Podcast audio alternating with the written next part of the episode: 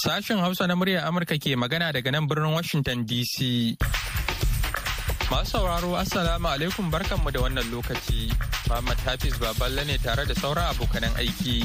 Muke farin cikin kawo muku wannan shirin da wannan safiya ta Lahadi. Bayan labaran duniya za mu kawo muku shirin kasuwa aka yi miki dole da nasihar Lahadi da kuma maimacin shirin lafiya uwar jiki. Amma kafin nan ga labaran duniya.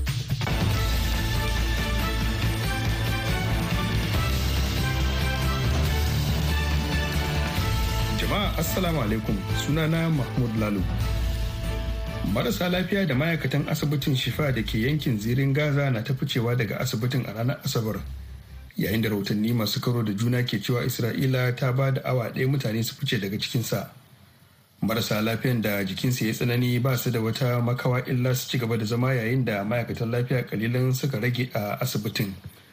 dakarun isra'ila na idf sun musanta ba da wani umarni da ke cewa a fice daga ashifa wanda shine asibiti mafi girma a yankin na zirin gaza cikin wata sanarwa da dakarun na idf suka fitar a ranar asabar sun ce babu wani lokaci da isra'ila ta ce marasa lafiya da ma'aikatan asibitin su fice daga asibitin.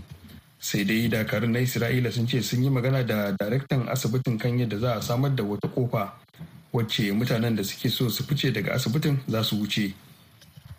A gefe guda kuma ma'aikatar harkokin wajen jamus ta ce ta gudanar da bincike kan yadda ake tafiyar da tallafin da ta ba falastinawa tana mai cewa bata ga wata alama da ke nuna an karkatar da tallafin ta hanyar da bata dace ba.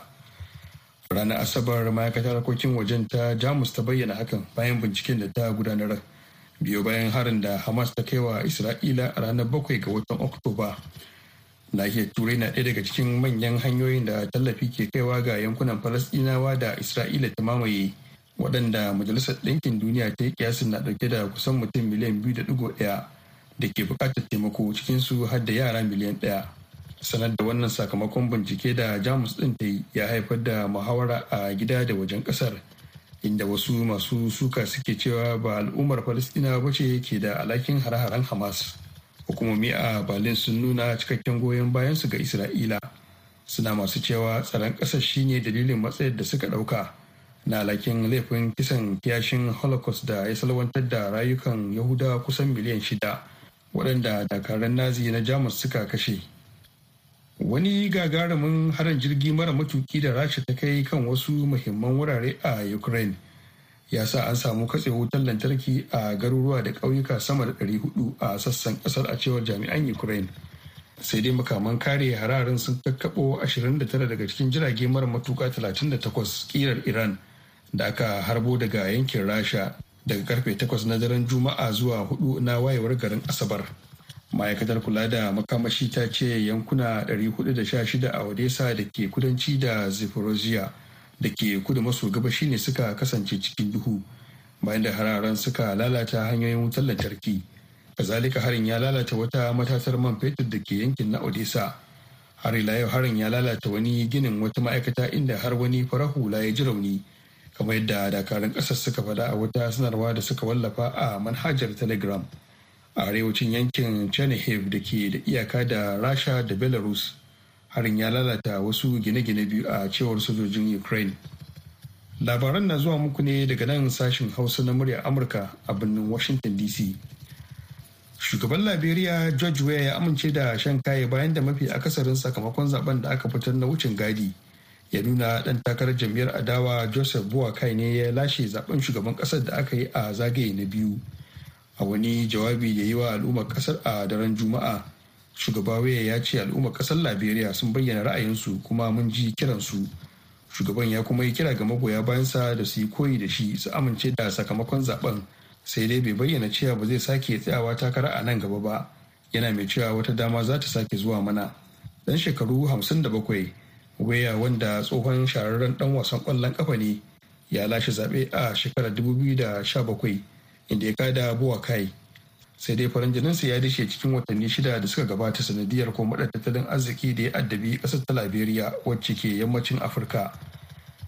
An hango wani jirgin ruwa ɗauke da 'yan gudun hijirar rohingya yana galantoyi a can gefen gabar tekun indonesia ranar asabar bayan da aka na shiya da zango a cewar rahotanni.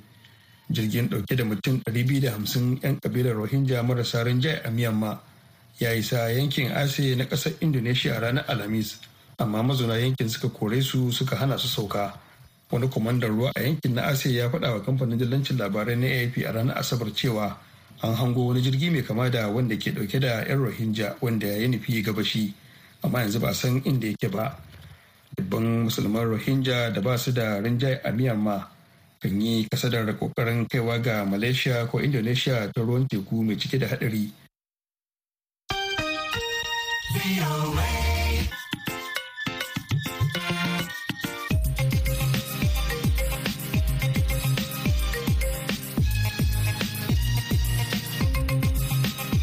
Labaran duniya kuka saurara daga nan sashen Hausa na muryar Amurka a birnin Washington DC. Yanzu kuma sai a gyara zama domin jin shirinmu na gaba. Shirin BOA Hausa. Kasuwa akai miki ne Kasuwa kasuwa a ƙasashe Assalamu alaikum jama'a masu sauraro. barkanmu da warhaka. Barkanmu kuma da sake saduwa da ku a wannan dandali mai tarin albarka ta kasuwa a kai miki dole wadda muke gabatar muku a kowace ranar lahad. Yau shirin na kasuwa a kai miki dole da muryar amurka ki gabatar muku ya kawo mu birnin kumasin jihar ashanti na ƙasar ghana. Kuma a kasuwan nan da ake hada haɗin kasuwanci hasatan na albasa. Za mu tattauna da ɗaya daga cikin masu jan akalar tafiya na wannan kasuwa. Ya so ya mana bayani a taƙaice yadda harkokin kasuwanci ke tafiya daga wannan kasuwa don saboda ghana duk da cewa tana noman albasa. Amma akasarin albasa da ake amfani da su a ghana ana shigowa da su ne daga jamhuriyar niger. Kuma matsala da suke fuskanta a yanzu shine sakamakon rufe iyakoki ko ko ɗaukan mataki da ƙungiyar ecowas ya yi a kan jamhuriyar niger sakamakon kifar da gwamnatin bazo muhammad yana yin tasiri sosai a kan farashin albasa daga nan ƙasar ghana. Taron ka ko ka faɗi muna sunan ka nan mukamin ka a wannan kasuwa? Ni ne umar saidu masayina ne discipline chairman a wanaga Isa na fahimta kai ne wato maga kujera ko kuma jagorantar kwamiti da ke ladabtar da duk waɗanda suka aikata ba daidai ba a nan kasuwa ko ba haka ba. haka nan ne. To ranka da mu duba wannan kasuwa na aunaga babu wani abin da ake sayarwa sai albasa. Kai ka nuna mana adadin mutane da suke hada-hada na kasuwanci a nan kullum. eh gaskiya muna da yawa. Kowa mu haɗu muna aiki nan. Shi sa daga wannan kasuwa ana samun mutane suna fitowa daga wasu wurare suna zuwa suna kasuwanci. Daga ina mutane ke fitowa suna zuwa suna kasuwanci? Eh gaskiya garuruka ma ana fitowa kauyuka ana zuwa ana sin kaya nan. Don muna muna tiya Niger da Burkina Nigeria duka muna sau kaya muna zuwa da shi shi yasa duk bakin da ke kauyuka duka suna haɗuwa su zo wanga kasuwa su zo su sai kaya su tare shi kauye su sayar. Nuna mina wani shekara in ka tuna aka kafa wannan kasuwa? Eh shekarar na aka kafa wannan kasuwa gaskiya mun zo kaman 2011 zuwa 2012 ne ya samu shiga. Da muka soma muna cikin mutane daban-daban daban sun fiyo waje wajaje duwa suka zo suka muka hadu muna kasuwanci. Yanzu matsalar na kenan ne dai maybe in za mu je hanya mu so kayan nan. Yana hanyar nan kalubalen ne ya afku burkina benin da niger. Ya bari yanzu haka mun je mun sai kaya daga can ako gajiya sosai. Shi na fahimta kaya da kuke sayarwa a nan na albasa daga burkina da niger kuke kawowa yi muna bayani ya kuke yi ya so kayan ya zo nan gana eh gaskiya muna fuskantar ƙalubale da yawa saboda yanayin da ya faru ECOWAS. Eh, so yanzu haka muka je Niger muka sai kaya. From Agadas nan ma yanzu haka ko ina ba albasa. Shi Agadas. Agadas kuma in ka zo ka kanya mai cikin birnin Niger ne. in ka zo kai kai kai mai kamun ka samu mota ka ka samu mota ka te halaka ya kai 1000 kilometers from yamai to agadas bayan ka je ka sai wurin nan ka zo shi ka zo ka bi bodan Najeriya bodan Niger da Najeriya ka zo ka shiga Najeriya daga Najeriya kuma ka zo ka ni bodan Benin. Wurin za ka bulla. So an ako gajiya sosai. To, to, ba me yasa haka? Eh, da farko sai wani hanya kuke bi kuke shigowa yanzu kuka sake. da farko muna bin burkina ne.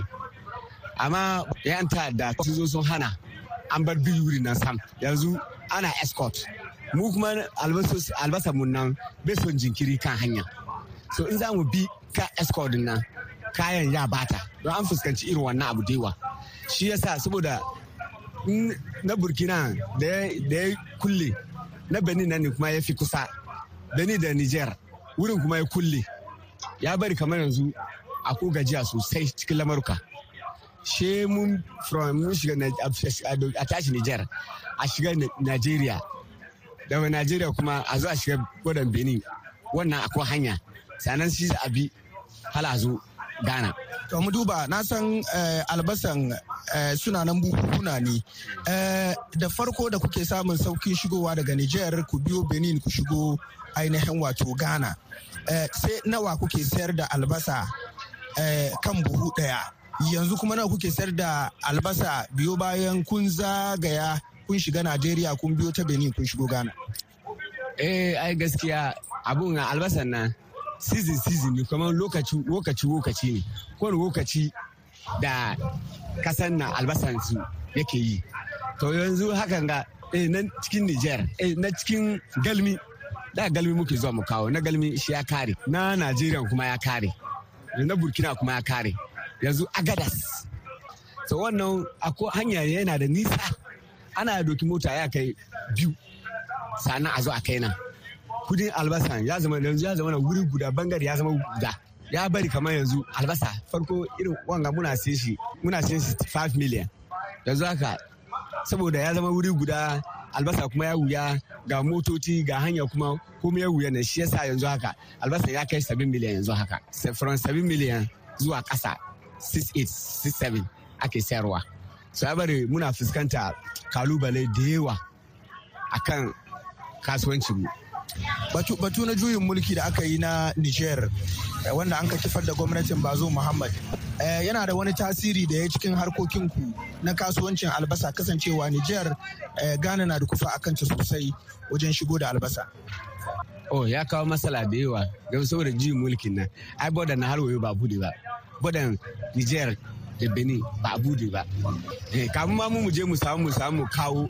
Before mata su ma su fito kawai ka su suna su zo ma da kuɗin suna nema ba su samu ba To in muka baka dama ka yi kira ga ainihin wato shugaban ECOWAS eh, Bola Ahmed Tinubu me za ka gaya mai kan wanga matsala da kuke fuskanta na wato ƙarancin albasa da tsada. oh muna kiran ecowas su doki mataki da sauri-sauri yadda za a yi kasuwancin mu yi muna cin kasuwancin mu da kyau Eh, to jama'a ina tare da wato uh, sakatar na wannan kasuwa shi kuma uh, za mu tattauna da shi kan halin da suke ciki a wannan kasuwa. Uh, sakatar ko ka faɗi mana sunanka? sunana alhaji alhassan sha'ib Ga yanan har yanzu dai da alamun kasuwan babu yawan albasa kamar yadda muke gani a da. Me ya haifar da haka?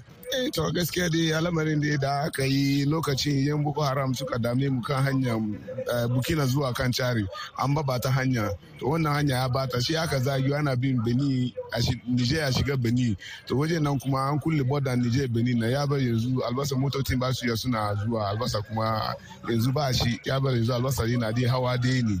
Yanzu mu ba mu sabin da za mu yi ba. Yanzu alaka ba mu san da za mu bi mu kawo kayan ba. Ana zuwa zagiyo a bi najeriya a zuwa bi togo zuwa shiga abin ga eh, hanyar ma ya dai hanyar ya yi nisa don shi ya bai motocin nan kuma ba su suna zuwa. Don shi gaskiya dai ya bai kwanakin albasa dai bai zuwa. Albasa ya yi tsada ƙwarai.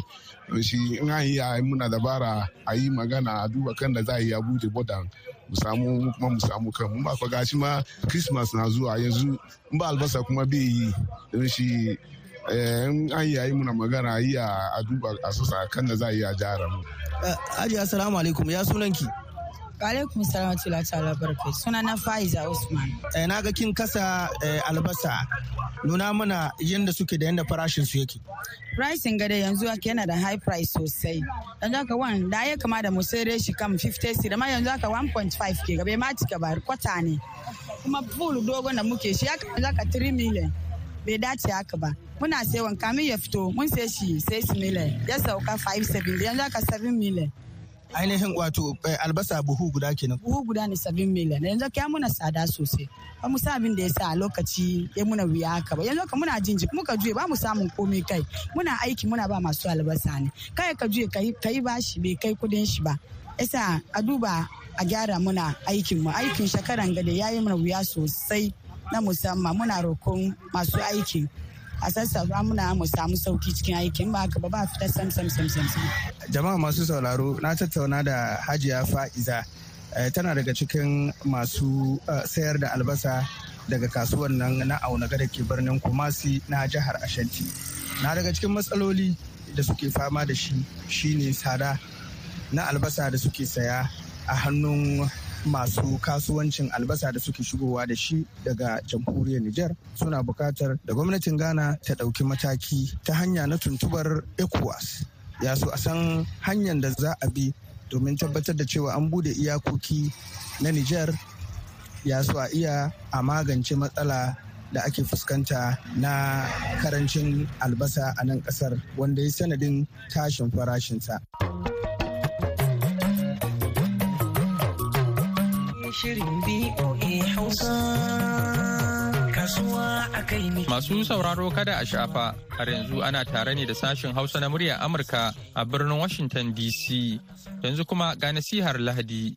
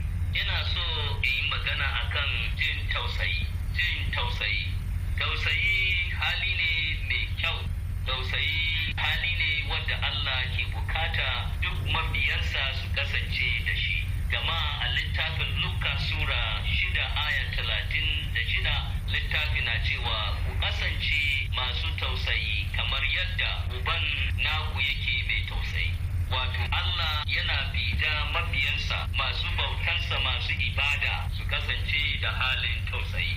Idan akwai tausayi a cikin shugabanni babu shakka za su kula da talakawansu. In akwai tausayi a cikin iyaye za su kula da iyalansu. In akwai tausayi a cikin jagorori na jama'a babu shakka za su ba su rashin tausayi ne yakan sa a hana wa mutane aikinsu. Rashin tausayi ne yakan sa shugabanni su yi rashin adalci ga mulka mutanensu. Domin haka ina kira da babban murya mu zama masu tsoron Allah mu sa tausayi a zukatanmu mu kuma tafiyar da al'amura cikin halin tausayi. Domin tausayi na bayyana tsoron Allah a cikin mutane. Ta wajen tausayi ne za a iya bunƙasa zaman lafiya a ƙasa. Ta wajen tausayi ne za a iya biya wa mutane hakokinsu. Har kowa ya zauna a walwala yana ta farin ciki yana ta godiya. Allah ya sa mu zama masu tausayi. Allah ya sa mu zama masu tausayi. Allah ya sa albarka. Amin. Amin.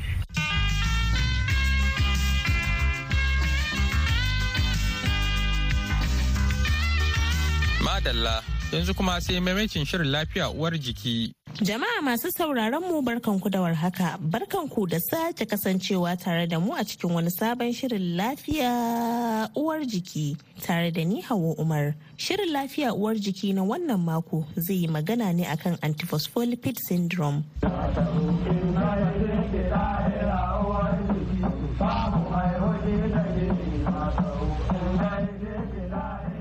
Antiphospholipid syndrome wani yanayi ne da garkuwar jiki ke samar da wasu sinadarai da ke yakar sinadaran da ke taimakawa wajen daidaituwar tsinkewar jini daga nan kuma sai a samu dunkulewar jini. Abokiyar aiki na Baraka Bashir ta zanta da Dr. Mahmud Kawu Magashi da ke asibitin koyarwa na Malam Aminu Kano sashen kula da lafiyar mata masu juna biyu inda ya fara da bayani kamar haka. Antiphospholipid syndrome kamar yadda ake kiransa a likitance larura ce You. Wuce mai wannan larurar yakan yi fama da matsala na dunkulewar jini a kafofin jini ga mace kuma misali wasu sukan samu matsala na yawan yin bari sakamakon matsalar da takan shafi mabiya ma'ana yadda take kafa kanta a cikin fatan mahaifa akan samu matsala a irin wannan wanda wannan yakan jawo ya zama cewar babu isasshe iska da abinci da ke zuwa gada wanda da yawa irin wannan lokacin yakan kai ko gada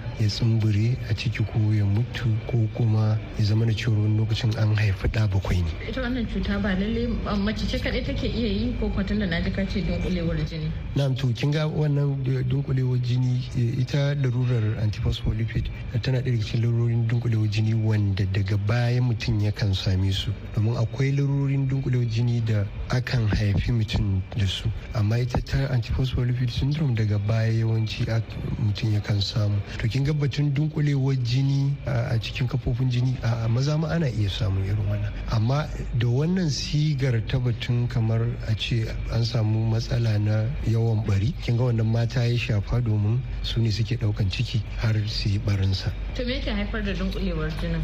To abubuwan da suke haifar da dunkulewar jinin abubuwa ne wanda ana iya fahimta su ne ta hanyoyi daban-daban. Shi dai yadda ubangiji ya tsara yadda jininmu yake ya daidaita mana komai yadda abin da zai sa jini ya dunkule da abin da zai sa jini ya tsinke sun yi daidai wa daida ta yadda wani ba zai rinjayi wani ba. To a yanayin da aka samu sinadaran da za su taimaka wajen dunkulewa jini sun rinjayi waɗanda za su taimaka wajen tsinkewa jini to irin wannan yana iya jawo dunkulewa jini. To ita larurar antiphospholipid da kamar da ake kiranta a turanci jiki yana samar da wata garkuwa ne wanda kamar take yakar jikin. To amma abin da take yaka shine tana yakar abubuwan da suke taimakawa wajen daidaito tsinkewar jini. Wannan sai ya sa jini ya zama ya fi dunkulewa mana yiwuwar ya dunkule yaron jaya fiye da yiwuwar ya zama yana tsinke.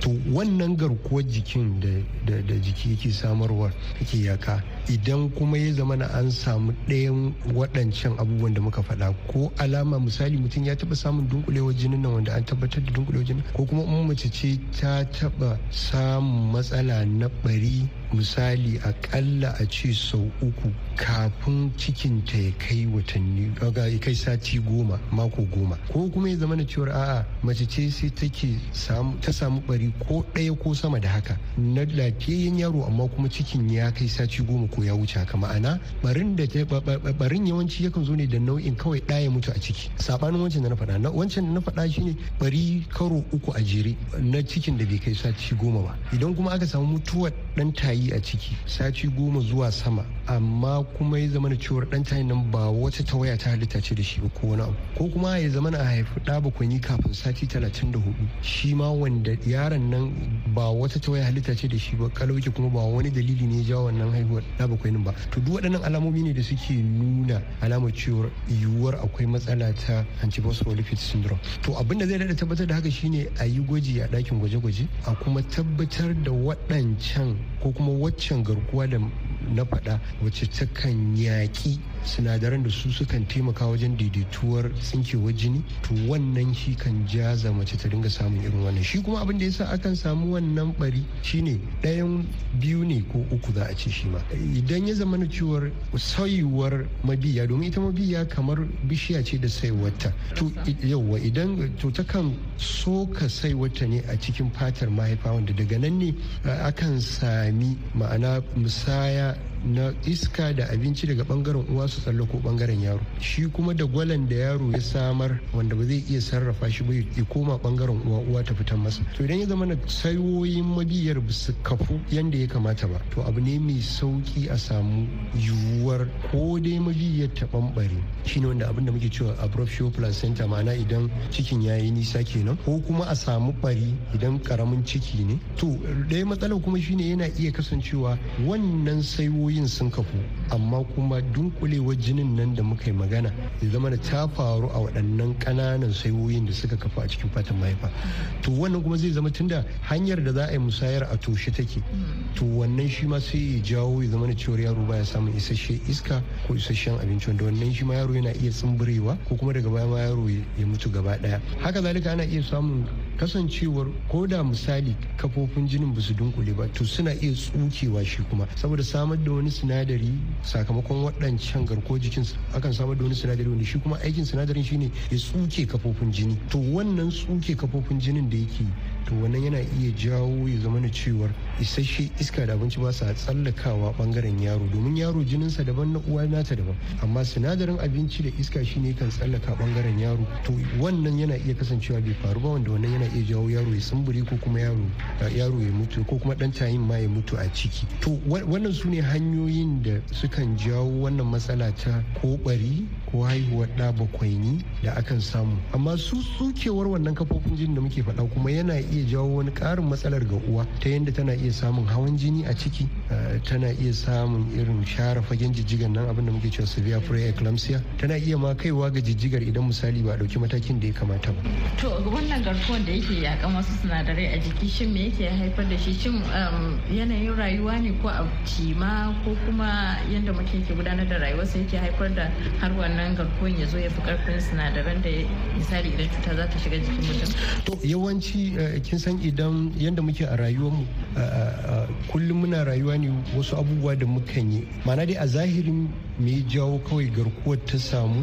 Har yanzu bincike bai tabbatar da kawai me yasa amma akan samu waɗanda suke ɗauke da garkuwar sakamakon wataƙila ko mu'amalar mu ta yau da kullum alakar mu da yanayin muhallin mu da sauransu. Wasu yakan biyo bayan wataƙila ko sun suna dama can da wata larura wacce jiki ya samar da garkuwa. To amma kuma garkuwar sai zama ta bijire har ta kai ga wani mataki na kuma yadda za ta iya yakar jiki. Amma abin da ya kamata mu gane a nan shine ana samun matan da suna da irin wannan ko kuma mutanen da suna ɗauke da irin wannan garkuwar amma kuma ba ta da tasiri sosai a jiki sai in abin da zai sake tasiri ya samu. Misali wata larura ta rashin lafiya misali a ce kamar kamuwa da ƙwayoyin cuta jin ciwo misali a wani ko kuma a misali sai ya zama da cewar in kin tuna yanzu na yi magana cewar ai kafofin jini ma suna iya sukewa su jawo hawan jini. To kuma za a samu hawan jini za a samu kuma jin ciwo wanda ba wai ciwon da mutum shi zai iya ji ma'ana za a samu matsala a cikin ainihin kafofin jinin matuƙar sakamakon takurewar da tsukewar da suke wannan yana iya daɗa tunzura yiwuwar kuma waɗancan garkuwa da jiki ya samar kuma zai zama ta fara nuna yanayin ta ta yadda zai zama ta jawo wannan matsalar. Ma'ana dai a nan abin bayani shine shi ainihin cewa ga wanda zai samu matsalar. Tunda kamar yadda na faɗa na ce wannan tana ɗaya daga cikin matsaloli na dunkulewa jini wanda samuwa ma'ana daga baya mutum yake samu ba haihuwa sa aka da shi ba. Ba mutum kenan da wannan a akwai larurori na dunkulewa jini wanda su kuma akan haifi mutum da su daban. Amma wannan ita ko a likitanci ko kuma a turanci mukan kira ta ne acquired ma'ana daga baya mutum yakan same su. Masu sauraron mu kada ku sha'afa shirin lafiya uwar jiki ne ke zuwa muku daga nan sashen hausa na muryar amurka kuma a latilas a nan za mu dasa aya a cikin shirin sai a tare mu a wani mako don jin ci gaban shirin. A madadin dukkan abokan aiki na da suka taimaka don ganin shirin ya zo muku musamman baraka bashir ni hawa umar da na shirya na gabatar ke cewa mu huta lafiya.